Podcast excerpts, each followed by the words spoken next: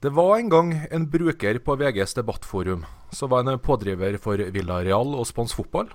Og det var deg, Petter Wæland. Velkommen til Fotballeventyr. Takk for det. takk for det. Eh, det naturlige spørsmålet hvorfor Villarreal?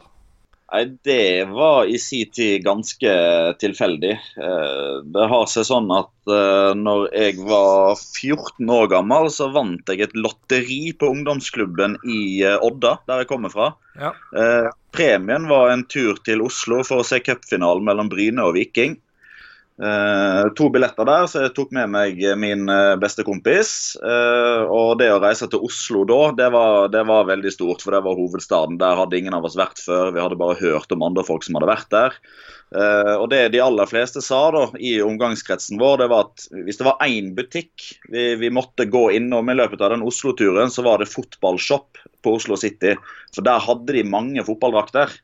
Uh, I Odda så hadde vi kun Intersport-butikk, og der var det to eller tre drakter som var innom. Så dette, var liksom, dette gleder vi oss til. Uh, vi gleder oss til cupfinalen, og vi gleder oss til å gå inn og, og se på alle fotballdraktene som de hadde der.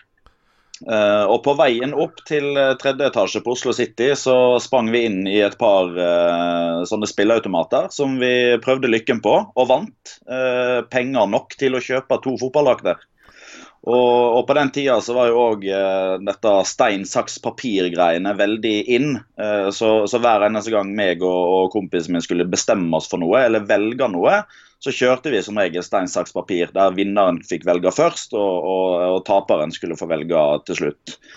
Og Da ble vi enige om sånn så at den som vant stein, saks, papir-konkurransen, skulle kjøpe den fineste drakta som vi fant, mens den som tapte, skulle kjøpe den styggeste. Uh, og Dette endte jo med at jeg tapte denne stein, saks, papir-konkurransen og syntes at viarealdrakta var forferdelig stygg.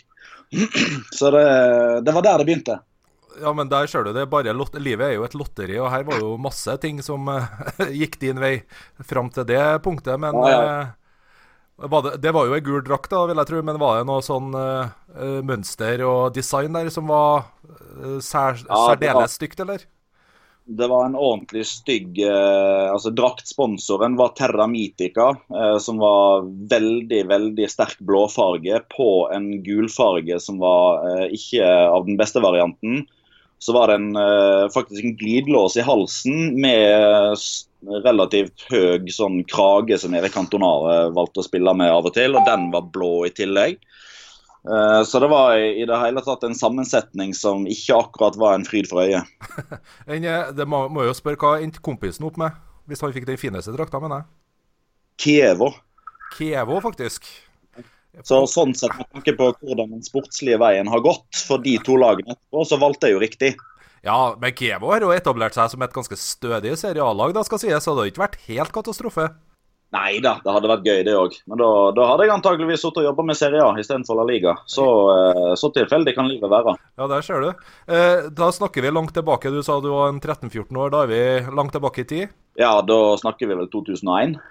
Og det var jo i den tida da Villareal, i hvert fall i mine øyne, begynte å bevege seg litt i, i fotballverdenen nå. De hadde vel vært opp lit, en liten tur i, i La Liga eh, en par år tidligere, kan ikke det stemme?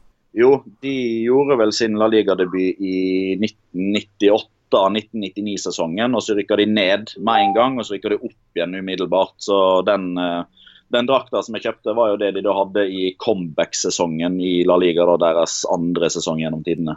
Ok. Men det skal jo sies at du var ganske heldig med timinga her, da, for det begynte å skje en del spennende ting med Villarreal på den tida her? Ja, det gjorde det. Eh, da, da, begynte jo eh, altså Villarreal var jo et av eh, de lagene i Spania som først begynte å se ordentlig til Sør-Amerika for å finne skjulte skatter fra Argentina og Brasil. Og gjennom et relativt godt samarbeid med eh, fotballklubb Barcelona, som de alltid har hatt et godt forhold til sånn rent eh, eh samarbeidsmessig. altså Alltid vært et godt forhold mellom klubbene og de som er presidenter og trenere osv. Så, videre. så Så gjennom den så fikk de jo hooka tak i både Sonny Andersson og eh, Giuliano Belletti, eh, Juan Roman Riquelme ikke minst. Eh, I tillegg til andre profiler som Juan Pablo Sorin og Rodolfo Aruabarena. Så sam, Samtidig som at de var en klubb som òg gikk eh, litt sånn i bresjen og tenkte nytt rundt eh, ungdomsakademi og det å få fram spillere fra egne rekker, så ble den miksen til slutt eh, ganske så bra. Ja, Eh, Rikelme syns jo jeg det er jo, det er jo spilleren for meg som virkelig kanskje sier Villarreal mest. Eh, eh, en undervurdert spiller i Norge.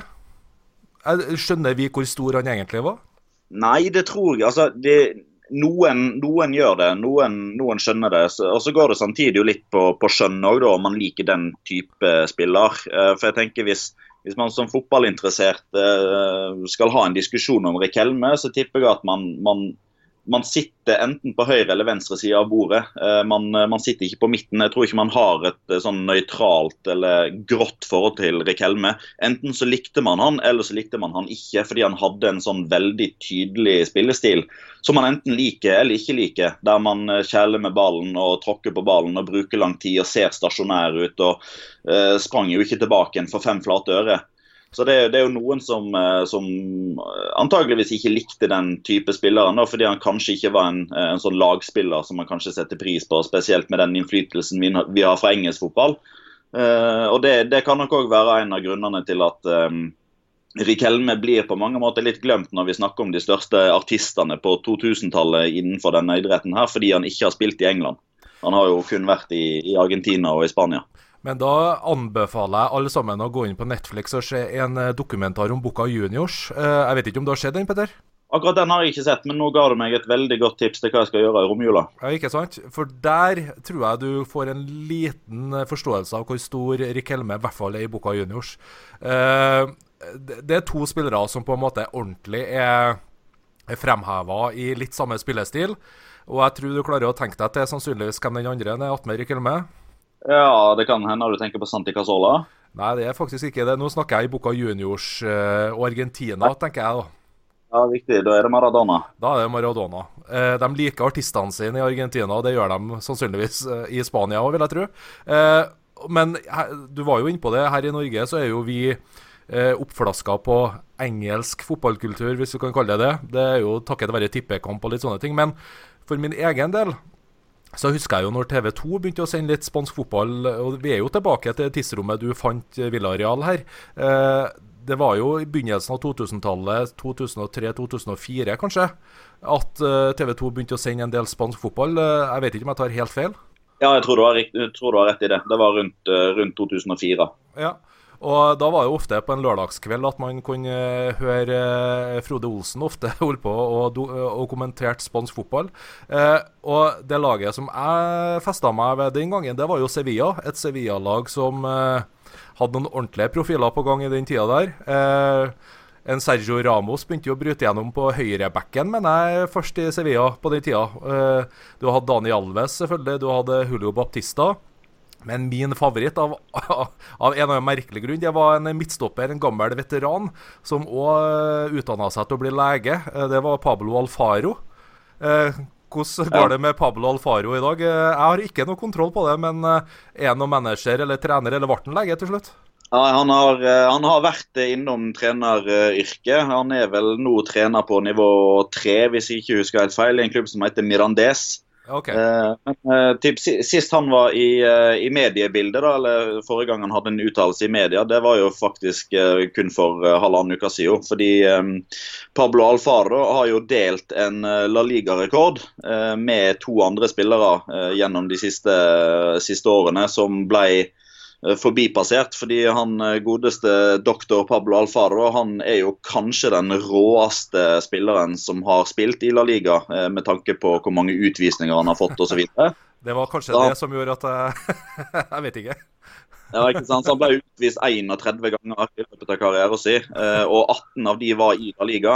Og Det har jo stått som en La Liga-rekord helt fram til eh, han som du nevnte som eh, høyreback i sine yngre dager i Sevilla, Sergio Ramos. Han fikk sitt 19. nå forrige, forrige helg, så da var jo han ute og og meldte litt at han, han, trodde den rekorden hans kom til å stå til evig tid, men heldigvis eh, så var det noen som kom og tok den. Ja, han gikk jo i den rette lærerskolen, eh, Sergio Ramos, da, sånn sett. Han har lært av rette mann, ja. Ja da, de var jo lagkamerater en, en sesong, vel. 2004-2005. Ja, det kan stemme, det, for det var sånn helt på slutten av Alfario sin karriere i Sevilla at Sergio Ramos kom hjem. med Og det var vel dette at han gikk derfra, for han tok vel én sesong til, mener jeg, på toppnivå.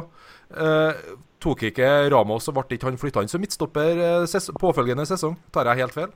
Ja, altså 2004-2005-sesongen det var jo da han fikk sitt gjennombrudd. Uh, han debuterte vel sesongen før, litt sånn på, på slutten. og Så ble han en, en, en sentral del av A-stallen i 2004-2005. og Så ble han jo solgt til Real Madrid helt på slutten av overgangsvinduet sommeren 2005. Ja. Så han, han spilte vel uh, kun enkeltvis uh, et par kamper her og der som stoppa for Sevilla. Men så var det jo først når han kom til Real Madrid at han ble dytta inn, inn i banen. Jeg vil jo skryte på meg Som jeg nevnte i innledninga her, så møtte jeg jo deg første gangen i gåseøyne på VG-forumene, der du var en pådriver både for eh, klubbtråden til Villarreal og generelt om spansk fotball. Eh, jeg mm. hadde jo en eh, uttalelse da Ramos gikk til Real Madrid faktisk den gangen, og jeg påstod at dette her sannsynligvis var den beste forsvarsspilleren i verden og kom til å være det i 10-15 år framover. Jeg vet ikke om jeg har helt mine ord i behold, men jeg føler jo igjen, når vi snakker undervurderte spillere jeg, jeg, tror nok en gang at vi nordmenn er litt farga av engelsk fotball. For at i England så tror jeg Sergio Ramos er litt undervurdert, men vi snakker om en spiller som tross alt har avgjort uh, store finaler, vunnet både VM og, og, det som kan vinnes egentlig som fotballspiller. Det er en stor spiller vi snakker om. Ja, ja, så definitivt. Og fast på Real Madrid i ti år nå. Har jo spilt eh, Han begynner å nærme seg 550 kamper for Real Madrid. og det er det, det, klarer man rett og slett ikke, med mindre man har et ekstremt høyt nivå over tid. fordi Hvis, eh, hvis Real Madrid-ledelsen, eh, om det er sportsdirektøren eller om det er presidenten eller om det er treneren, hvis, hvis noen av de mener at, eh, at, spillere ikke holder mål lenger, da er det veldig enkelt for de å finne en ny klubb og, og selge vedkommende. Ja. Uh, han var jo nær Manchester United for et par sesonger siden, uh, i hvert fall ifølge de uh, skriveriene som var i media, men så endte det jo opp med at han signerte ny kontrakt i stedet. Uh, så det er klart at uh, den merittlista og, den uh, altså typ antall kamper han har spilt, både for det spanske landslaget og for det som i mange øyne er verdens beste og største fotballklubb, da, da har man ganske syltynne argumenter mot at han er blant de definitivt beste midtstopperne vi har hatt på denne sida av 2000-tallet. Ja, det, jeg må si meg helt enig med Petter. Men du, når du fant Villareal her da, i ung alder Det var ikke bare bare å begynne å, å følge det laget. Eh, du snakka vel ikke flytende spansk allerede i den alderen, vil jeg tro? Nei da, det gjorde jeg ikke. Eh, jeg hadde jo tysk på både ungdomsskole og videregående, så jeg valgte jo tysk framfor spansk. Eh, det valget tok jo dessverre før jeg begynte å bli interessert i, i spansk fotball. Eh, så ja, når dette begynte sånn på, på, høsten, eh, tidlig vinter 2001, da var det jo tekst-TV som var det eneste mediumet der en kunne liksom sjekke hvordan det hadde gått. En, en søndag kveld så gikk man inn og og sjekka hvordan hvordan det gikk. Eh, holdt, eh, holdt hånda over TV-skjermen sånn at eh, jeg skulle liksom bevare spenninga. For jeg skulle først se hvor mange mål motstanderlaget hadde skåret. Sånn, sånn, sånn er jeg på ennå. ja. Så, så, men, men, utover det da, så ble jo internett mer og mer vanlig i de norske hjem. og Internetthastigheten gikk fortere. Man slapp å okkupere telefonlinjer når man gikk inn på internett osv. Så, videre. så i takt med den eh, moderniseringa av verden generelt, så har jo òg omfanget av og tilfanget av uh, nyheter rundt andre, andre, klubber enn enn de norske og engelske tatt seg opp betraktelig. så rundt sånn 2005-2006 så, så, skjønte jeg vel at hvis, hvis, dette her skal gå noen vei, hvis dette ikke kun liksom skal være en, en lidenskapelig interesse, men at det kanskje kunne bli noe mer ut av det, så skjønte jeg at da Eh, da måtte jeg i alle fall eh, forstå eh, språket. Ikke nødvendigvis kunne snakke det flytende, men man måtte i hvert fall, følte jeg, da kunne hente informasjon på Eh, på moderspråket. For ellers så Det er mye som blir typ lost in translation hvis det, hvis det, først skal komme ut i et spansk medie, og så skal det oversettes til et engelsk medie, så plukker kanskje VG det opp eh, noen dager etterpå. Da, da, da mister det liksom mye, mye verdi. Så da, da, begynte jeg så smått å, å engasjere meg i å, i å beherske det spanske språket. Starta du forsiktig med sånn Google Translate og sånt, eller eh, begynte du på noen spanskkurs, lydbøker og litt sånne ting, eller? Nei, altså jeg har til sammen to uh, sånne kurstimer med spansk. Men der, men der, fant jeg vel egentlig ut at det, det var ikke den type læring jeg trengte. For da, da hadde jeg kommet et stykke allerede egentlig bare ved å, uh, egentlig bare ved å lese. Uh, og etter hvert å klare å se sammenhengen typ hvis jeg fant det samme ordet igjen i en, i en artikkel, så, så, husker jeg kanskje at det hadde jeg lest i en annen artikkel, og da ble liksom to pluss to at da måtte det ordet bety noe i den retninga. Etter hvert som man øver, så blir man jo bedre og bedre. og Så hører man litt på spansk radio, og så ser man litt på, på spansk uh, fotball med, med, spanske kommentatorer. altså etter hvert så er det bare sånn som, uh, som gjør at man Ja, typ øvelse gjør mester. Så to sånne timer med, med spanskkurs, ikke noe Duolingo eller ikke noe Google Translate eller noe sånt. Det, det er kun sjøllært, sånn sett. Ja, og det er jo en gang sånn at fra land til land så er jo fotballterminologien og språket ganske forskjellig. Det, det, merker man jo. Jeg kommer jo fra den eh, klassiske skolen som følger engelsk fotball tettest i utgangspunktet. Og du hører jo et intervju med Mourinho f.eks. etter Manchester City-kampen nå, der han snakker Nei, mot Arsenal, mener jeg. Der han snakker om at de var glad i gresset og det grønne gresset og sånne ting som det der. Altså Det er et helt annen måte å uttrykke seg på på latinske språk enn det vi er vant til her. da. Og som du var inne på, da, da mister du mye i oversettinga?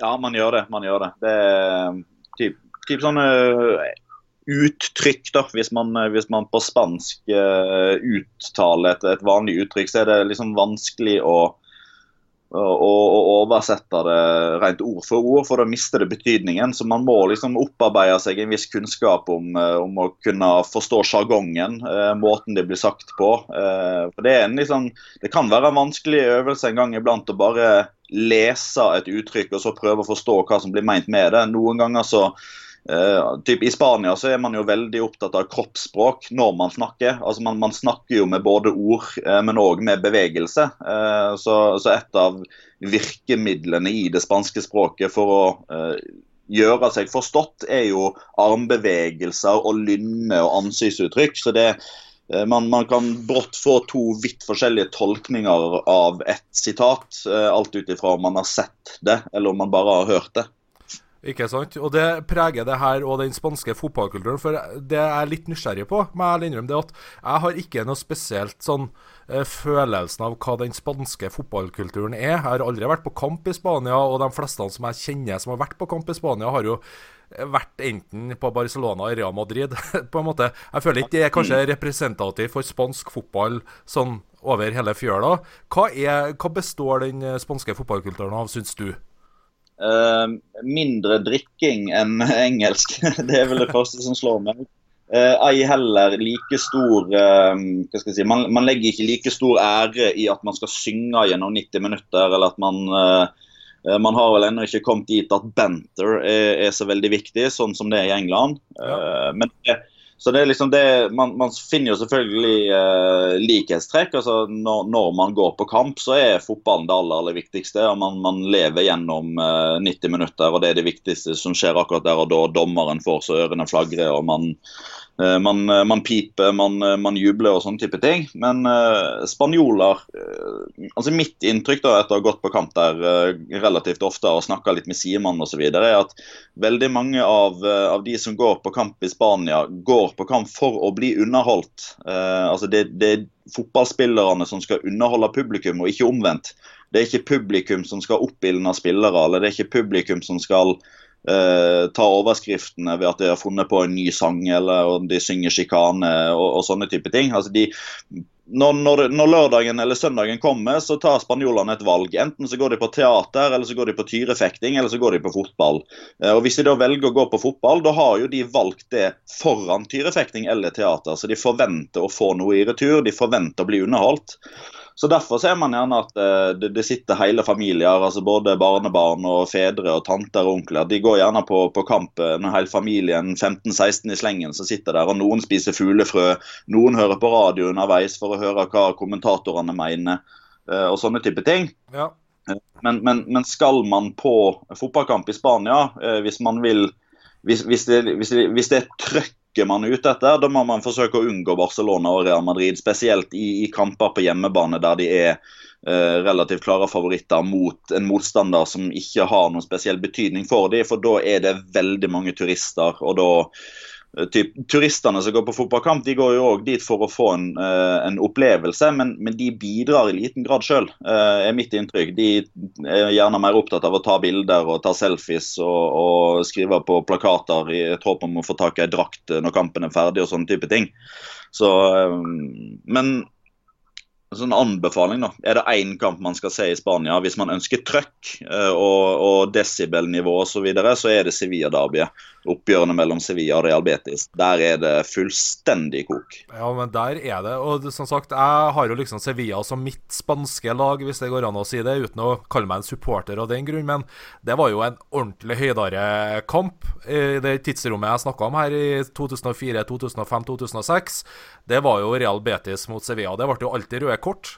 Det, det, minst to, stort sett, hver, hvert sånt uh, derby. Og og der kom de lokale spillerne til, til klubbene ordentlig eh, fram. Jeg husker jo en spiller på Sevilla som het for han, Det er ikke en spiller som har gjort seg fryktelig bemerka, men akkurat de kampene her så hadde han en tendens til å levere litt ekstra. og Det var en som het for Antonito. Jeg vet ikke om du husker han? Jo da, jeg husker han. Det var, det var en sånn en typisk spiller som kom fram i en sånn en kamp som mellom Sevilla og Real Betis. Som eh, enten skåra eller ble utvist, stort sett. Ja, og, ja det, det, det, er klart det betyr noe ekstra for det. fordi Eh, det er litt sånn som de sier, eh, sier der nede. altså du eh, du velger ikke favorittlag. altså når, når, Hvis du blir født i Sevilla, så velger du ikke favorittlag. Da får du det trukket over hodet fra første sekund. Fordi alle har et forhold til enten Sevilla eller Betis. Og, og blir du født inn i en familie der mor og far er Betis-supportere, så blir du Betis-supporter sjøl. Da, da har du ikke noe valg, enkelt og greit. Uh, og finner du liksom ut seinere i, i livet som, som 15-åring eller som 30-åring eller, eller 50-åring at ja, Betis var ikke så kult allikevel. Nå du jeg å holde med Sevilla i stedet, da, da, er det nesten så du ikke blir invitert på familieselskap lenger. så sterkt står det. Og Er det, er det geografisk begrensa i Sevilla og Real Betis, eller er det her familier og Har det noe spesielt tilhørighet, det ene eller det andre? Nei, det er, det er, først og fremst familiært og tradisjonelt. Ja. Altså at det går i arv. Eh, det er, noe, det er, ikke noe, demografisk, det er ikke noe sosiologisk. Det er ikke middelklasse mot arbeiderklasse. Det er ikke, det er ikke noe politisk heller. Det er ikke høyre mot venstre. Eh, det er ikke eh, verken politisk tynga eller hva slags status man har i livet, eller, eller, om man bor nord eller sør. Det er rett og slett bare det, det er den familien du blir født inn i, enkelt og greit. Sånn det finnes jo selvfølgelig andre av litt sånn klanmentalitet, nesten. altså dere at, uh, at du får en sånn stammetilhørighet kanskje enda sterkere, da, pga. at uh, det er familien. Og du, som du var inne på, uh, dette er jo et familieforetagende, fotballkulturen i Spania. Ja, så det, det blir jo liksom en, en, stor gjeng med familier på den ene sida mot en gjeng stor med familier på den andre sida. Ja. ja. det har en tendens til å ta av sånne type ting når det blir sånn to slektstreff som møtes på en måte to ganger i året. Ja, ja det blir det. Så man har jo man har jo hatt enkelte uheldige episoder opp gjennom eh, årene. Eh, det var vel eh, det var vel en Betis-keeper som for en tiår siden fikk, fikk noe ting kasta på seg. og Juan de Ramos, når han var Sevilla-trener, fikk vel ei whiskyflaske i hodet og sånn type ting. Men, men akkurat den, den hatmentaliteten, eller den, den litt sånn den, den si, styggedommen der man går på kamp for å lage kvalme og lage trøbbel, den, den er heldigvis borte nå. Og det er jo eh, først og fremst pga. to eh, to tragedier som, skjedd, eh, som, har skjedd nå de siste ti årene, én i hver leir. Der man på mange måter har blitt eh, ført litt nærmere hverandre. Der man har fått bevist at uh, fotball er veldig viktig, men uh, det er ikke viktigere enn livet i seg sjøl. Altså først uh, Antonio Puerta som, som døde. Sevilla-spiller i 2007 etter hjertesvikt. Og året etterpå så døde Den så jeg live, husker jeg på TV. Ja. Ja, jeg husker det òg. Det er som om det skjedde i går. Da han satte seg ned på huk og plutselig falt han bakover. Det, og ikke så veldig lenge etterpå så var det jo òg en Betis-spiller som døde av, av hjertestand, som heter Miki Roquet. Eh, og akkurat i den perioden der så ble det et veldig fellesskap fra fra den ene supportergreininga til den andre for å, for å, vise sympatiet, for å vise støtte. Og, og etter det så, så, har rivaleriet holdt seg på et, på et, nivå der det er rivaleri. og eh, Kall det gjerne hat i ordene, men ikke i handling. Det har ikke vært noen stygge episoder. Det har ikke vært noen kamper som har blitt avbrutt eller en tumult der på tribunen eller noe sånt. Det eh, det har på mange måter blitt et litt sånn vennlig rivaleri, men, men desibelmåleren går like høyt mot toppen nå som den gjorde før. Det gjør den når, når kampen først er i gang. Og så er det kanskje ikke den dummeste byen å legge ferien til hvis du først skal ta en liten tur til Spania? Nei da, det er en veldig fin by. Uh, det eneste jeg savner der, er ei kystlinje. Uh, fordi det blir fryktelig varmt. Uh, fra, fra, april til september-oktober så er det, det er en prøvelse for en, for en, nordmann å være der. Jeg er i utgangspunktet ikke sånn altså Blir det mer enn uh, 22 grader, så renner svetten. og Jeg er liksom, i utgangspunktet en sånn veldig uh, Blir feil å si at jeg er en varm person, nå høres jeg veldig sjølhøytidelig ut. Men holder godt på varmen. da. så Når temperaturen begynner å stige opp mot 40, da, da ligger jeg i delvis koma før jeg klarer å krabbe meg til stadion. jeg, jeg, skjønner nesten den. Ja. Vi snakker jo ganske langt sør i Spania. Vi er jo nesten Afrika her når vi snakker Sevilla, så det, jeg skjønner at den blir varmt. En annen klubb som jeg har lyst til å snakke litt med om, bare for at det er en klubb som fascinerer meg litt, uh, i den forstand at jeg er jo fra Trondheim og fulgte jo Rosenborg uh, selvfølgelig glansdagene i Champions League. Og Da stifta vi jo bekjentskap med en litt sånn sindig klubb fra langt nord i Spania, nemlig Deportivo la Coronia. Og ses Sesongen 99-2000 det er en av de mest uh, altså Hvis du ser det i hvert fall med dagens øyne, så er det en av de villeste sesongene som har vært i, i, i La Liga. Ja, definitivt. Uh, Deportivo vant jo sitt e-, eneste seriegull her, men det var en del andre ting òg som virkelig liksom skiller seg ut denne sesongen. Ja, ja, det var vel da Real Madrid var utenfor eh, topp fire for første gang på mange år, var ikke det det? Det var det. De kvalifiserte seg via at de vant Champions League, gjorde de ikke? Kan det stemme? Jo, de gjorde det. Så der var det veldig enten-eller. og så tapte de 5-1 hjemme mot Real Saragossa. Ja. Det er ting man sjelden ser eh, i dagens moderne fotball. Absolutt. Og så var det en par lag som rykka ned, som er litt høyere opp på tabellen i dag. Nevnte Sevilla. Atletico Madrid rykka ned denne sesongen òg med toppscorer. Ja, ja, var det den ja, det var den sesongen begge Sevilla-lagene rykka ned, det. Ja, begge Sevilla-lagene og Atletico Madrid. Ja, det stemmer det. Det, det er jo en, en, Det er vel der den legendariske Frode Olsen-historien er fra. Der han ble bytta ut til pause fordi han var for god.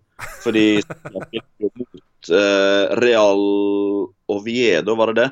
Sevilla spilte i hvert fall eh, helt på slutten av sesongen så spilte de en avgjørende kamp. Eh, typ, det, var, det, var, avgjørende for motstanderen. For de kjempa for å unngå nedrykk mot bl.a. Real Betis. fordi Sevilla tok jo klart færrest poeng den sesongen, så de hadde liksom rykka ned en fem-seks serierunder før før sesongen var ferdig. så Det, det eneste som liksom sto i hodet for Sevilla-supporterne da, var jo at Betis òg skulle rykke ned. Eh, altså Først og fremst fordi eh, jeg, hvis det skulle gå ad undas med, med seg sjøl, så skulle det gå ad undas med erkerivalene òg. Men, men, da fikk man jo i tillegg derbykamper neste sesong òg, endog bare på nivå to. Eh, og Da var det vel en, en, kamp helt på slutten av sesongen der Frode Olsen sto i mål eh, og, og, var veldig god. Men, men, hver gang han gjorde en redning, så fikk han eh, pipekonsert og buing og skjellsord eh, fra, fra hjemmesupporterne mot seg. For han, eh, han skulle jo ikke finne på å redde Eh, skudd som kunne medføre en eh, nedrykkssituasjon for Betis. Så det, det, var vel en av de villeste opplevelsene Frode Olsen eh, hadde i, i Sevilla, der han ble bua på av egne supportere, for, egne supportere fordi han redda skudd. ja, det sier litt. Og, og som sagt, nevnte Deportivo la Coruña dro hjem seriegullet her. Og, og, her snakker vi jo et ganske Det føles som det her var i tid da mindre klubber, for Deportivo la Coruña er jo en mindre klubb i spansk sammenheng, sånn sett òg, eh, der de fikk mm. bygge lag over tid. Og, det, og når du ser på det, det Deportivo-laget her, så hadde jo bl.a. en Valeron, selvfølgelig, som var en ordentlig playmaker. Og så hadde du Roy Mackay på topp der, f.eks., som kom nesten fra ingen plass fra Tenerife til Deportivo, mener jeg, før den sesongen. Mm. Altså jeg kan være videre til Bayern München etterpå. Så det, det, var veldig mange som la grunnlaget for veldig fine karrierer der. Uh, Pauleta var vel innom der før han begynte å banke inn mål i, i Frankrike for Bordeaux og PSG. Eh, Mustafa Haji, som eh, Norge møtte i, i, VM i 1998. Eh, Jalminia, Toro Flores, Mauro Silva. Rett og slett et fantastisk fotballag. Og var, De vant jo en del cuper, de gjorde seg bemerka i Champions League. og Jeg husker jo treneren her, for det, det var jo en gammel Det har skjedd i ettertid, var en gammel fotballstjerne. tenkte jeg Spiller Irureta, kan det stemme? det? Javier Irureta, kan det stemme? Ja. Og, og han var jo Jeg har jo for, Jeg vet, dette høres dumt ut, men jeg, jeg forveksla han litt med Rafa Benitez i en liten periode, for at de var ganske like. Litt sånn uh, rund i kjakan, tenkte jeg. Så litt sånn skolelærerutseende uh, på begge to. Ja, det var vel ingen som hadde overskudd av hår på toppen heller. Nei, det var litt det. og, og, og Valeron, han var jo det, hvordan har det seg at en del av de gode playmakere kommer fra Kanariøyene? For han er vel fra Kanariøyene, han òg? Ja, du har Valeron og du har David Silva akkurat nå. Eh, så det Nei, altså Om det er noe logisk forklaring bak det, det, det vet jeg ikke. Men det er jo veldig romantisk å tenke at det er den litt frie livsstilen og sol året rundt og uh, spille med badeball på stranda og sånn type ting. Altså det, om det er det som er årsaken, det vet jeg ikke, men det høres plausibelt ut for meg. Ja, ikke sant. Det høres ut som en like god forklaring som alt annet. i hvert fall. Eh, et annet lag på den tida her som jeg syns òg var utrolig fascinerende, og igjen stiffa bekjentskap med via Champions League, det var jo Valencia. Eh, vi hadde jo mm. vår egen Jon Carew der, og jeg, jeg holdt på å kikke litt bare før vi begynte å snakke sammen. Jeg måtte bare kikke litt på den Champions League-finalen mot uh, Bayern München. Og den lagoppstillinga til Valencia der, der er det mange en uh, Jeg vil påstå kanskje det et av de kuleste fotballagene ever. For de hadde kanskje den kuleste venstrebacken i moderne tid. Carboni på venstrebacken som tygg tyggis hele tida. Og en sånn stødig italiener på, i midten av 30-årene. Var steingod spiller. Ja, de hadde, de hadde, veldig mange bra der. og det, Dette var vel var det 2000-2001-sesongen de møtte Bayern München i, i finalen? Jeg mener at det var det, ja. Ja, da hadde de jo var Mendieta så sendte de veldig tidlig uh, i, i, i føringa der. Og, og, apropos argentinsk playmaker, vi var innom Rikelme tidligere. Ah, Pablo Aymar. Hvis ja. ikke han hadde blitt tatt etter pause, så tror jeg de hadde tatt uh, hele sulamitten. altså. Hva var grunnen til at han uh, gjorde det, tenkte jeg å si?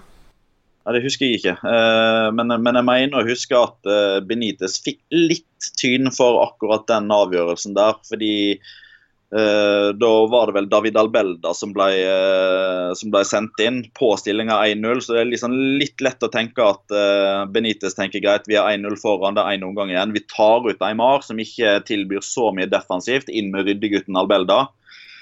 Og så tok det vel ikke så mange, mange minutter av den andre gangen før Bayern skåra på straffe, var det vel. Og så ja, straffekonk til slutt. Ja.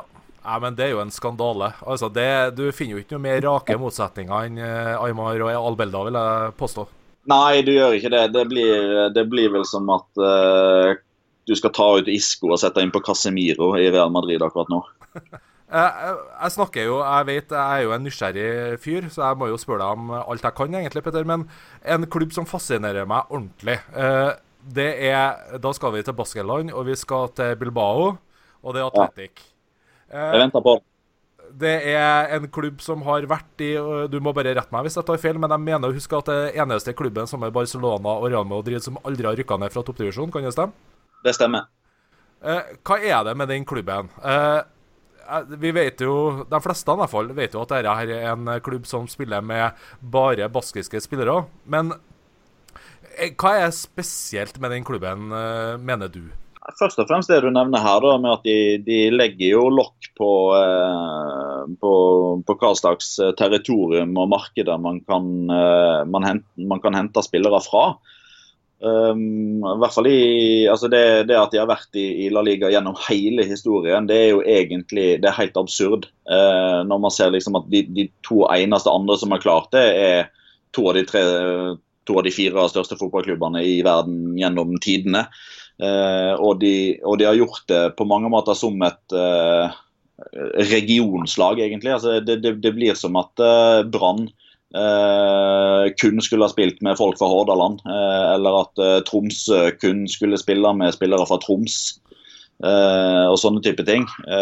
og det er jo det er jo den baskiske mentaliteten og stoltheten Eh, noen ganger når, eh, når, gode lag gjør det bra, og man i søken etter svar på hvorfor det er sånn, så kommer man kanskje av og til fram til at eh, man ikke er sultne nok, eller man, man har ikke eierskap nok til, til drakta, man føler ikke tilhørighet. og det typ, Gjør man det ikke bra i den klubben, så finner man seg alltid sin ny klubb og sånn type ting. Akkurat det er ikke tilfellet i, i Atletic, for der er det der er det, det, det største man kan gjøre som basker, spesielt hvis man er født i Bilbao, eh, så er det å spille for Atletic Klubb. Eh, alle, bortimot alle spillerne som har eh, kamper for Atletic nå de siste ti årene, har på et eller annet tidspunkt tidligere i livet vært supporter på San Mames. Eh, og, og, man føler liksom alltid på den, det, det nære båndet mellom spillerne som er ute på banen og representerer Baskerland, mens eh, venner og familie og medbaskere står på tribunen og heier. Men det kunne like gjerne vært omvendt. Eh, hadde det ikke vært for korsbåndsskade, så kunne det hende at han som sitter på rad 2, eh, CT32, det kunne godt hende at han hadde spilt istedenfor han som faktisk var høyreback. Fordi pga. den skaden så var det han som fikk sjansen i stedet. Eh, så det er, noe, det er, noe, helt unikt med den tilhørigheten og stoltheten og tradisjonen som, som tydeligvis betyr såpass mye for, for Atletic at det, det, er en sånn type politikk, en type policy, som de Jeg ser ikke for meg at de kommer til å vike for den noensinne. Det kan godt hende at de blir litt mer løsslupne på enkelte av kriteriene som skal til, men at de for alltid kommer til å være en klubb utelukkende for baskere, det, det tror jeg på. Og det det har ikke jeg noe som helst problemer med. Eh, de aller aller fleste har ikke noe problemer med det. Men så er det noen som mener at de er smårasistiske eh, ved å kun la folk som har eh, et etnisk opphav eller en type tilhørighet, at det, at det er en klubb kun for de. Men de tilhører mindretallet, og da altså Rasisme i seg selv er et ekstremt alvorlig problem som må tas ved, ved rota på, på den måten det kan tas på. men da da har man andre ting å henge seg opp i før man eventuelt går på Atletic, mener jeg. Ja, ikke sant. For at eh, Real Sociedad òg hadde vel denne policyen opp til kan jeg stemme 80-90-tallet? Mm. Uh, før dem Det hadde de. Men så, og, men så valgte de å gå bort ifra den. Og det var vel der var det vel, eh, Nå kjenner ikke jeg den historien i detalj, men sånn overordna så var det vel noe sånt som at man skjønte kanskje at uh, med kun baskere, så, så det, man, uh, det, man, tjener på, det var jo litt av det vi snakka om i stad, med den stoltheten og, og ja, den Um, forholdet mellom klubb, supporter osv. Det er masse som er unikt med Atletic Klubb, men det man forsaker, er jo uh, muligheten til å uh, bli best i Spania, best i Europa. Uh, der har man veldig dårlige muligheter, rett og slett fordi man, man har et så avgrenset område å hente spillere for. og Man har oddsen mot seg i dagens moderne fotball, der, henter, der fotballklubber henter spillere fra alle bauger og verdenskanter. Så, så, det er jo det man har forsagt i Atletic, og det var vel kanskje det som var grunnen til at det altså til etter hvert begynte å gå bort fra den policyen. At man skjønte at det, vi, vi, vi, kommer ikke til å vinne noe som helst med mindre vi åpner opp for at andre spillere òg kan spille for oss. Men, eh, men allikevel så ser man til stadighet at Real Sociedad er veldig høyt oppe på, eh, på, statistikken hva angår lokale spillere som får spilletid, eh, antall spanjoler som, som får spilletid, klubber som, som produserer eh, talenter fra ungdomsavdelinga. Så det er fortsatt en veldig stolt tradisjon for det, men, men de har ikke den kun basketpolisien som, eh, som Atletic har. Ikke sant. Eh, og så er det jo ikke bare det, men du snakker om at det er et begrensa område. men Eh, stemmer det ikke at det er tre lag nå fra Baskerland som er i toppdivisjon? For Eibar er vel fra Baskerland hjemme òg? Ja, Eibar er fra Baskerland. Og så er man jo eh, De lærde strides da om, om Alaves eh, skal gå som eh, Baskerlag eller ikke. Eh, de aller fleste har vel nå eh, si, bestemt seg for at eh, det er faktisk uh, et baskisk lag. Det kommer jo fra Vitoria, som, eh, som, ligger i regionen Baskaland, og som på mange måter har vært hovedsete for den baskiske kulturen i mange år. Så jeg tipper vi ender på fire. På fire, og Da begynner det å bli begrensa med spillere hvis du bare skal skaskere når du skal krangle med tre andre lag, da. Ja, det er nettopp det. Altså når, altså, sånn Tradisjonelt sett så er det jo Atletic og Real Sociedad som har vært der oppe. Altså Atletic har alltid vært der. så har Real Sociedad vært der ofte. Eh, Osasona har, var der veldig ofte fra 80-tallet til de rykka ned nå forrige sesong. Alaves har vært litt opp og ned, og så har Eiba vært der nå de siste fire sesongene, i tillegg til andre innslag her og der. Eh, så det er klart at eh, Forrige sesong så var det jo fem, om man regner Sasona òg som, eh, som Baskaland. Altså, de ligger jo en, i en annen region, i Navarra-regionen. Men allikevel. Eksempelvis Raúl Garcia er jo født i Pamplona, men han er jo, han er jo basker allikevel. Så Forrige sesong så var det fem, denne sesongen så er det fire. Så eh, det er klart de, de har konkurranse på, på, spillermarkedet, det har de absolutt. Men eh, fortsatt så er det vel sånn at de aller fleste baskere regner Atletic som typ eh, Har man tilbud fra Atletic, så, så går man dit. Så det er det som liksom er det laget som representerer Baskeland mest, da. Det er det du, det er det du sier? Ja, og så er det Hvis det er noen altså Sociedad-supportere som hører på noe, så blir de sikkert litt, uh, litt sinte. Men, uh, men, for meg, det inntrykket jeg har fra, fra Norge og gjennom å ha fulgt spansk fotball i, i 15 år og snakka med en god del av de som er involvert der, så er det liksom hvis, hvis, hvis man skulle hatt restriksjoner på hvor mange lag som kunne deltatt i La Liga, typ at, eh, at hver region kun kunne hatt ett lag. Eh, da hadde det jo vært Real Madrid i Madrid, og så hadde Atletico Madrid måttet vike. Eh, hadde det vært tilsvarende i Baskeland, så hadde det vært Atletic Klubb, mens det har stått i dag måtte ut. Ja. Og, og, og det, En annen ting som jeg synes er litt så spennende med Atletic, det er jo at de har jo hatt ganske sterke bånd til Storbritannia, faktisk, eller England ja, spesielt. De har jo hatt engelske trenere. og og for alt jeg vet, så kanskje de var stifta av engelskmenn i sin tid òg. For at jeg vet en del spanske fotballklubber har blitt stifta av uh, engelskmenn. Ja, det stemmer. Det er sånn uh, helt på begynnelsen av 1900-tallet, i enkelte tilfeller òg litt før. Ja. Og Man har òg uh, historien om, om, draktene til Atletic og Atletico Madrid, og likheten i navnene der, som ble henta fra uh, havnelageret i Southampton og, og, sånne type ting. Og som du sier, Atletic har hatt mange, mange britiske trenere opp igjennom, deriblant, uh, Fred Pentland. Som er en av de største uh, personlighetene i spansk fotballhistorie. Rett og slett fordi han var, han var, liksom, han var så tidlig ute, og han, han var en sånn sentral del av Eh, det spanske fotballbildet da La Liga ble stifta i 1928. Har vært trener for Racing Santander, Atletic, Atletico, Real Oviedo. Så det er så definitivt innflytelse fra England og i Spania, og kanskje da mest i nord av eh, rent geografisk logiske årsaker. Ja.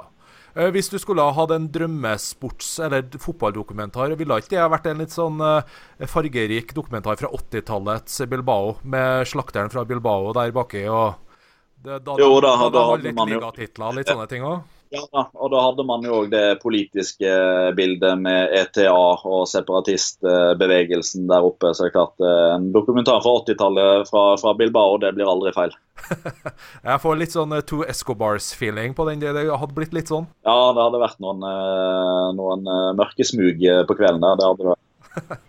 hvis, du, hvis man som en novise til spansk fotball skulle ha gått litt den veien du gjorde. Her har jo du Dette starta jo med en uh, tilfeldighet, selvfølgelig, men som ble en interesse etter hvert. Hvis du som uh, skulle ha starta helt fra bunnen nå Du er jo med i en podkast som heter For La Liga Loca, annet. Hvor ville du ha starta? Ja, jeg ville starte med å høre på den. Ikke sant? Ganske naturlig.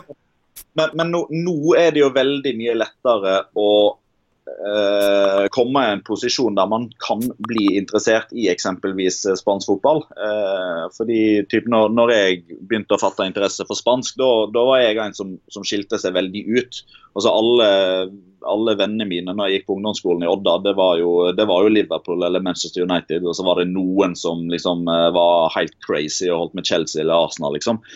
Eh, så der var liksom eh, fotballfilosofien i, uh, mellom trange fjelltopper i, med, med, fjord i, på, på, Vestlandet. Der var, liksom, der var det veldig lite inntrykk utenifra, er mitt inntrykk nå når jeg ser tilbake igjen på det. Men nå kan, altså hvis man, hvis man er 15-16 år nå da, og, og, har lyst til å se en fotballkamp, så, så har man ti kanaler å velge mellom. Eh, dessverre får man ikke sett Bundesliga på norsk TV akkurat nå, men man får jo sett eh, Premier League, man får sett La Liga, man får sett Serie A, man får sett Liga. Eh, og det, det, er liksom, det, er mange kamper hver eneste helg, og informasjonsflyten nå med, med nettsider som, eh, som, som, kommer på eh, først og fremst engelsk, da, men man har jo òg sånne automatiske oversetningstjenester eh, i eksempelvis Google Chrome og Internett Explorer og Firefox og disse andre internettnettleserne, som gjør at går man inn på eksempelvis marka.com og ikke behersker spansk til det fulle, så, så trykker man bare på oversett siden, og så får man plutselig informasjon på engelsk i stedet. Eh, kanskje ikke helt riktig oversatt, eh, og konteksten blir kanskje litt feil, men, men informasjonsflyten og, og, måten man kan eh, la seg bli engasjert, eh, og, og fotballen er mye mer tilgjengelig nå. Så nå handler det vel egentlig bare om å, om å, ta et valg. Eh, du har en langt større og bredere meny når man nå skal velge favorittlag. Eh, men så er det jo fortsatt sånn at eh, den, den, engelske fotballen står fortsatt veldig veldig sterkt. Klart sterkest. Men, men jeg er jo fan av å ha hva skal jeg si, inntrykk fra, fra mange nasjoner. At vi ikke nødvendigvis låser oss til at det som blir gjort i det og det landet er mer rett enn uh, i det og det andre landet. Jeg tror man, man kan finne flotte ting med fotballen i, i, alle, i alle, land. Uh, og det er klart at uh, den måten TV 2 forvalter Premier League-rettighetene på, gjør jo at det er, det er veldig enkelt å velge engelsk fotball, for der får man informasjon på norsk. Da har man studiosendinger på alle, alle kamper eh, gjennom, en, eh, gjennom, en, hel sesong. Uh, uansett om det er Huddersfield mot Brighton, hvis det er mandagskampen, så er det studio før kamp. Enkelt og greit. og Da er det, da er det lettere for, for Ola Nordmann å, å, få et forhold til eksempelvis Huddersfield. For der vet man umiddelbart hvem kapteinen er, hvem er høyrebekken, mens man ikke nødvendigvis i like stor grad vet hvem som er toppskårer på Sevilla som er en klubb som jevnlig spiller Champions League, som, som, eh, som har vunnet Europa League tre av de fem siste sesongene, og, og sånne type ting. da. Ikke sant. Og, og, jeg føler jo at for å, for å nyte fotball ordentlig, mener jeg da, så må man på en måte sette seg inn i de lagene man faktisk ser. Og det savner jeg litt uh, med spansk fotball og en del annen fotball. Og selvfølgelig at Når jeg setter meg ned og ser en kamp, så det er enkelte kamper som du har blitt selvfølgelig uh, hørt alt om. altså El, Clásico er jo naturlig nok den som det snakkes mest om. Men for å få utbytte av en kamp, så er det så veldig greit å å vite litt om lagene du faktisk ser, og i hvilken kontekst den kampen spilles. Forhistorie, skjønner meg, den type ting. Ja, altså definitivt. Og det, liksom bare det, å, det å fortelle historiene, eh, det er jo noe av det viktigste. altså selvfølgelig Når man er fotballkommentator eller hvis man sitter i, i studio og uttaler seg, så er det selvfølgelig det fotballfaglige vil jo alltid være viktigst. Man må liksom ha forståelse for spillet, og man må ha en eh, generell uh, kunnskap i bånn om spillerne og lagene man skal snakke om, men òg evnen til å fortelle historien som gjør at en, en TV-seer fatter interesse for det, og at det ikke blir en, en hvilken som helst fotballkamp mellom de elleve og de elleve som spiller for de to forskjellige klubbene.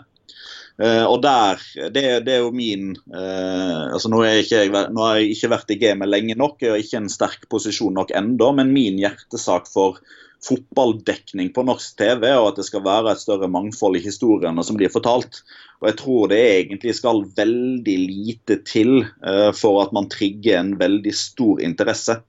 Uh, så typ når jeg begynner å bli enda litt eldre og uh, Jeg tror aldri jeg begynner å bli lei av å kommentere fotball eller sitte i studio, men hvis man noensinne skal forsøker forsøke å stige litt i gradene, så er det vel det som blir min, mitt hovedfokus. Da, å, å sørge for at man Eh, altså Mer fotball til folket, det trenger man ikke. Eh, for det, det, har man. Eh, samtlige kamper i Premier League blir sendt, nesten. Alle kampene i La Liga blir sendt.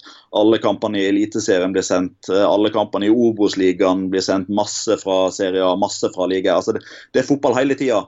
Men vi må fortelle historiene i større grad. Vi må ha, trenger ikke mer enn 10-15 minutter før kamp. Trenger ikke mer enn 10-15 minutter etter kamp. Og det å finne den måten som gjør at TV-kanalene Eh, velge å ta seg råd til det, uten at det nødvendigvis skal være kjempedyrt. Eh, det er oppgaver som jeg tror eh, kan bli min om noen år. Ikke sant, for at det er jo, I Spania så blir det jo veldig fokus på Real Madrid og Barcelona. og det, det, som var utenkelig for 10-15 år siden, at du så unger gikk rundt med Barcelona og Real Madrid-drakter. det var, som sagt, Før så gikk det kun i Liverpool og United og sånne ting i Norge. Nå er liksom Real Madrid og Barcelona der. Eh, og det drukner jo veldig, syns jeg, en del av de andre lagene i, i La Liga nettopp derfor. Eh, de er jo helt livsviktige for å være der, men skjønner du, det, det jeg savner litt, da. Det å høre litt mer om de andre lagene. Ja, ja, og, og der det, det, er jo det store problemet. sånn eh, som typ, Med tanke på det jeg nettopp sa, med tanke på det å, å fortelle historiene. Altså, I utgangspunktet da, så er jo Eh, folk flest interessert i Real Madrid og Barcelona. Eh, fordi der er de største stjernene. Det er klubbene som tar eh, seriegullene i ni av ti tilfeller og sånne type ting. Men det er jo i de andre klubbene at de fascinerende historiene er, syns jeg. Fordi Real Madrid og Barcelona, da, for å ta de som et eksempel, det er to ekstremt lukka klubber. De åpner sjelden opp for innsyn, fordi det er Eh, det er liksom bare sånn eh, fotballverdenen har blitt, i hvert fall i, i, toppen. Blant klubbene som spiller Champions League fra de store nasjonene, så er det ekstremt vanskelig å få innpass og fortelle historien eh, om, eh, om, Lionel Messi, om Cristiano Ronaldo og, og de store stjernene. Eh, og Samtidig så føler jeg liksom at det, det jeg savner blant norske sportsredaksjoner, eller de som tar valgene, de som styrer Excel-budsjettene og hvor pengene skal legges og sånne type ting, jeg savner den gutsen på å satse på noe som er Kall det ukjent, noe som er litt uprøvd. Tør å ta risikoen på å skape interesse. Eh, så, så, kan man jo selvfølgelig dra en viss parallell til TV 2 og sykkelsatsinga deres så skal man jo selvfølgelig ikke glemme at de har hatt veldig god drahjelp av Tor Hushovd, Kurt Arslavesen, Edvald Boasson Hagen, Alexander Kristoff osv. Men det er jo ikke noe som helst tvil om at der tok TV 2 et valg om at sykkel skal bli en folkesport i Norge. Uh, og den, den, jobben de har lagt ned der altså det, det, skal selvfølgelig være mulig å gjøre det på andre ting. Se på den innsatsen som blir lagt ned i Premier League. Hvis en annen TV-kanal hadde valgt å ta risikoen, uh, for det er en risiko, det er en økonomisk risiko, uh, og der kommer liksom det store aberet. Alle TV-kanaler er livredd for å tape penger, og det har jeg stor forståelse for. og der kommer liksom det at man blir, blir liksom dratt i to forskjellige retninger. Fordi jeg jobber jo for, for, Viasat, og jeg ønsker jo selvfølgelig at Viasat skal tjene penger. Jeg ønsker ikke at Viasat skal tape penger, men samtidig så vil jo den andre halvdelen av meg virkelig ønske at Viasat skulle satse enda litt mer på eksempelvis studiosendinger på spansk fotball, for at vi kunne ha fortalt disse historiene, som igjen kanskje kan medføre at flere medfører, oppfatter at hei, spansk fotball er kult, la oss se på spansk fotball, som gir flere seere til Viasat, som gir større reklameinntekter, annonseinntekter, klikktall på hjemmesidene og sånne type ting. Men, men akkurat den baugen med å komme over den der eh, lille redselen for å tape penger. Den er stor, den kan jeg forstå, men jeg håper at noen snart tar sjansen. Ja, det, Jeg sier meg helt enig. for at eh, det, det, som er så enkelt med Barcelona og Real Madrid å bli engasjert i en sånn kamp, det er jo det at man vet hva som står på spill. Og, og, det er det som på en måte drukner mye av det andre, i hvert fall for oss som er ikke lidenskapelig opptatt av det, som kanskje bare eh, en lørdagskveld eh, setter oss ned og ser en kamp da fra spansk fotball som ikke er Barcelona eller Real Madrid. Da er det vanskelig å finne engasjementet, og det er det man kanskje må prøve å, å få til i så fall. Ja, og der, eh, der ligger jo altså Frontlinja, der er jo kommentatorene som kommenterer disse kampene. Der er jo jeg en av de. Jeg har eh, andre dyktige kollegaer som Paul Thomas Clay, Arnstein Friling, Morten Langli. Så, som, eh, og, da, og, da, er det jo jobben vår altså å fortelle seerne at når vi kommenterer en ligakamp på norsk, så må vi prøve å formidle hva denne kampen betyr for de involverte. Eh, hva slags historie kan man fortelle om venstrebekken på Retafe eh, og, og, den type ting. da. For jeg er jo jeg merker at jeg er skrudd sammen på en litt annen måte enn de aller fleste fotballinteresserte. Altså, Jeg er Viareal-supporter, jeg er Lyn-supporter. Jeg syns det er vel så gøy med nedrykksstrid som som gullkamp. Eh, Europa League fascinerer meg veldig, nesten like mye som Champions League. Mens de aller fleste andre, der er det liksom det er Liverpool, det er Manchester United, det er Manchester City, det er Arsenal, det er Chelsea, det er Bayern München, Barcelona, Real Madrid, Champions League, VM, EM. Det er liksom det som betyr noe. Men for min del så syns altså noen av de mest fascinerende historiene jeg har hørt, er liksom fra, eh, fra nedrykksstriden i Spania. Altså euforien over å beholde plassen. Eh, den enorme skuffelsen av å rykke ned. Eh, og den type ting, den, den blir dessverre glemt. Altså, sånn som eksempelvis Premier League nå, da. Manchester City leder med 11 poeng. og der snakker man jo rettmessig, mener jeg, om at Premier League er avgjort. Ja, eh, det... Ja, det, ja, det kan godt hende at eh, kampen om gullet er avgjort. Det skal ekstremt mye til for at City ikke vinner Premier League nå. Eh, og Det er folk flest opptatt av, det kan jeg forstå. Men ikke glem da at det er seks poeng mellom nummer 13 og nummer 20. Altså kampen om å overleve i Premier League. For de som er involverte der, for supporterne av de klubbene. Det er vel så viktig det som at eh, Pep Guardiola får enda et nytt trofé.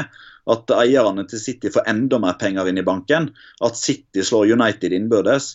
Selvfølgelig er det interessant, det òg. Men ikke glem Crystal Palace, ikke glem Swansea, ikke glem Westham. Ikke glem den eh, kampen om overlevelse. Eh, for det er klart at eh, Selv om man rykker ned fra Premier League, så er det ikke sånn at man automatisk går konkurs pga. den fallskjermen man, får ut fra TV-avtalen osv. Men historien de siste årene viser jo at det er ekstremt vanskelig å komme tilbake fra championship når man først har havna nedi der. Eh, se på Leeds, se på Nottingham Forest, se på Sheffield United, Sheffield Wednesday. Det er mange lag som var, liksom, om en ikke faste bidragsytere i Premier League for 10-15 år siden, men eksempelvis Leeds. da. Se hvor vanskelig det er for de å komme seg opp igjen. Ja. Så akkurat det med å, med å ta jeg si, nedrykksstrid på alvor og ikke si at en hel liga er avgjort pga. Av at det mest sannsynlig avgjør hvem som blir nummer én, det, det taler litt meg imot. Ja, Det er jeg helt enig i. for at En liten sånn artig ting man kan gjøre som er fotballinteressert ofte, det er at man kan, man kan finne seg et lag som har en, hva skal jeg si, en målsetning eller en forventning før en sesong. Og Da kan du jo følge det laget gjennom hele sesongen og se hvordan de faktisk lever opp til de forventningene de hadde før sesongen. Man kan ta mm. et, eh, et Sociedad, da, bare for å ta et spansk lag sånn midt på trelag, nesten. Hva er realistisk for dem å oppnå? Hva er det de vil oppnå? Og Lese opp litt på det, få en litt feeling av hva de prøver å få til. Og Da blir jo sesongen deres mye mer interessant faktisk å følge med. Ja, det er klart det blir det. Og, og bare det å eksempelvis altså hvis det er noen som hører på dette, her, da, som eksempelvis ikke har et favorittlag eh, eller en favorittspiller i, i, i La Liga, eh, så kan det være så enkelt som at eh, kommende serierunde så ser, så ser, man seg ut en kamp. Eh, det er ikke lov å velge Barcelona sin kamp. Da skal man i så tilfelle sette seg ned på Deportivo la Coronia. Men altså, vi, vi tar Real Madrid og Barcelona ut av ligninga. Men man velger den kampen som kanskje passer best ut fra timeplanen. da. Eh, altså Hvis man eh, skal i kirka på søndag, så, så passer kanskje ikke tolvkampen på søndag. Hvis man skal til et vennepar på, på, lørdagen, eller hvis man skal ut på byen og prøve å bli heldig på lørdagen, så velger man kanskje en søndagskamp. Men, men velg deg en kamp eh, i eksempelvis La Liga. Det kan være Serie A, det kan være Premier League. Det, det er ikke så nøye for, for min del, det. Men eh, sett deg ned, se en kamp. Eh, vi 90 minutter til den kampen der. og og bare prøv å se om det er et eller annet som treffer deg. Eh, om, om, det kan være eh, måten eh, stadion eh, ser ut, eller hvordan stemninga på tribunen er. Eh, det kan være at du liker håret til midtstopperen. Eh, det kan være overstegsfintene til høyrekanten. Det kan være treneren. det kan være laget og måten de spiller fotball på. Og ved noe så enkelt som det, så får man plutselig et forhold til den spilleren eller det laget, og vips, så har man en grunn til å følge den spilleren eller det laget resten av sesongen. Ikke sant? Og så enkelt kan det være. Da får du utfordra på en litt annen måte. For at det blir så mye støy fra de største klubbene ofte i de ulike ligaene, og Champions League for den saks skyld, at man eh, som jeg sa, eh, var innpå det litt tidligere her. Jeg syns at det Valencia-laget fra rundt årtusenskiftet var kanskje det kuleste fotballaget som var akkurat da. Det var jo ikke dem som vant alt sammen, men der var det noen profiler. Du ble kjent med dem over tida, for at du det drukna ikke i alt det andre. Eh, det er der utfordringa ligger litt. Ja, og sånn, sånn for min egen del, da, så det, det er jo ikke noe tvil om at jeg ser mest spansk fotball. fordi det, det, er det som er primæroppgaven i den jobben jeg har, det å følge de spanske lagene. For jeg kommenterer La Liga, og så følger jeg de spanske lagene i Champions League. Eh, men eh, Sevilla eksempelvis, når de møtte Liverpool, så måtte jeg selvfølgelig gjøre research på, på, på Liverpool og se kampene deres i forkant. Jeg ser jo kamper fra både Spania og, og, og England og Italia og Frankrike når, når, det lar seg gjøre. Så eksempelvis I begynnelsen av denne sesongen her, så så jeg mye på Lill i Frankrike. Og Det var den enkle grunnen at de ansatte Marcelo Bielsa som trener. Ja, det, det er en god trener nok, God nok grunn, det. Ja, nettopp. Fordi lagene hans spiller en type fotball som jeg syns er veldig fascinerende. Eh, jeg kaller det av og til for selvmordsfotball, fordi det går som regel ikke, ikke, så veldig bra til slutt, men det er fryktelig underholdende å se på. Og når lagene til Marcelo Bielsa har dagen, så er det ingenting som er gøyere enn å se det laget spille fotball. Eh, så bare en sånn enkel ting som det, da, så har jeg fulgt eh, Lill eh, mer denne høsten enn hva jeg normalt sett ville ha gjort, fram til han fikk fyken. Da mista jeg interessen litt igjen. Og Nå er jeg ute etter å se, se, se andre typer kamper i, i, Frankrike, eksempelvis Lyon. Og det er fordi de skal møte favorittlaget mitt ved Areal i Europa League i februar. Da ønsker jeg å ha litt mer inntrykk av hva den klubben står for, hva slags spillere de har. altså Nabel Fikir, Memphis Depay og den, og den type ting. For å liksom være mest mulig forberedt når eh, laget mitt skal spille mot de om to måneder. Ikke sant, og Da bygger du jo opp det, det som jeg vant på, det med forventninger. For at når du får sett litt på Lyon og sammenligner det med ditt eget lag, så begynner du på en måte å, å, skape bilder før du begynner å se kampen. Det er jo det som er så viktig. Det er det jeg føler eh, pga. at man har tilgang til så mye, at man mister litt den. da. Ja, jeg helt enig. Så det er liksom eh, Det er, det er klart at det, det er jo det er jo snakk om prioriteringer. Eh, først og fremst i, typ, i livet generelt. altså hvis man, eh, hadde, hvis man, hadde, vært veldig egoistisk og bare tenkt på seg sjøl, så kunne man jo ha sett fotball herfra til morgenen. Altså fra morgen til kveld hver eneste dag. Men så, så er det jo noen som har samboer, noen har kjæreste, noen har forlovede, noen har uh, kone, noen har uh, mann, noen har uh, ett barn, noen har to barn, noen har jobb som medfører mye reis osv. Så, videre. så det, det, er jo selvfølgelig liksom ikke så enkelt som å, som å si at bare jo, men se mer fotball, så får du mer inntrykk osv. Det, det handler jo om prioriteringer. Men, men jeg tenker sånn at hvis man hvis man vil ha litt input uh, utenifra, da. Så det er klart, jeg tenker liksom, Hva er det beste en fotballinteressert kan gjøre? Jo, det er jo å se fotball. Uh, og, og, veldig ofte så er det selvfølgelig mest interessant å se favorittlaget. Og favorittlaget ser man jo hver gang, det er jo enkelt og greit. Men for å få litt andre inntrykk, da, bare sett deg ned og se en fotballkamp. Se om du finner et eller annet som man engasjerer seg rundt. Uh, det kan være noe så enkelt som at han har et kult navn. Ja, sant. Altså det, det, er så mange forskjellige innganger til å bli fascinert av fotball. Du valgte jo fotballag ut fra stygg drakt, så det, det, er jo et ganske tynt grunnlag. det der. Ja, Med mange veier til rom.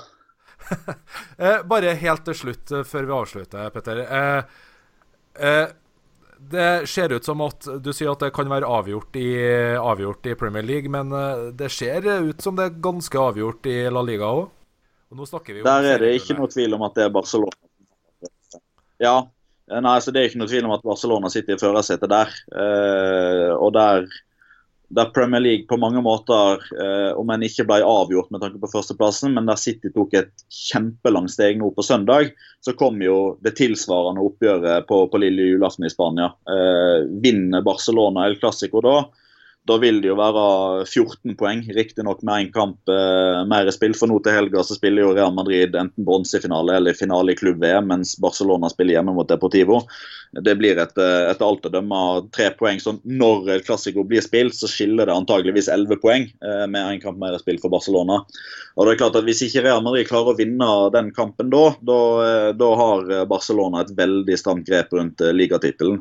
Eh, samtidig så er jo jeg av den oppfatning at så lenge Valencia er der oppe og kun er fem poeng bak, så lenge Atletico Madrid er der oppe og kun er seks poeng bak, og kanskje spesielt Atletico Madrid pga. kvalitet, pga. historikk. De vant La Liga for, eh, for, for tre sesonger tilbake igjen.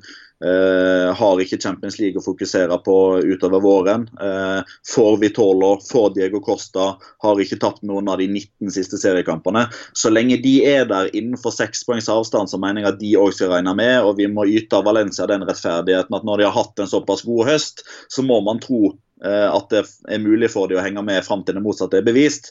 Men det er klart, akkurat nå stor fordel Barcelona. Enda større om de vinner El Clásico. Men jeg syns Real Madrid er favoritter i El Clásico pga. hjemmebanefordelen. Eh, Pga. det potensialet som jeg syns ligger der, som er uforløst. Som vi så en del av nå på lørdag mot Sevilla, da de vant 5-0.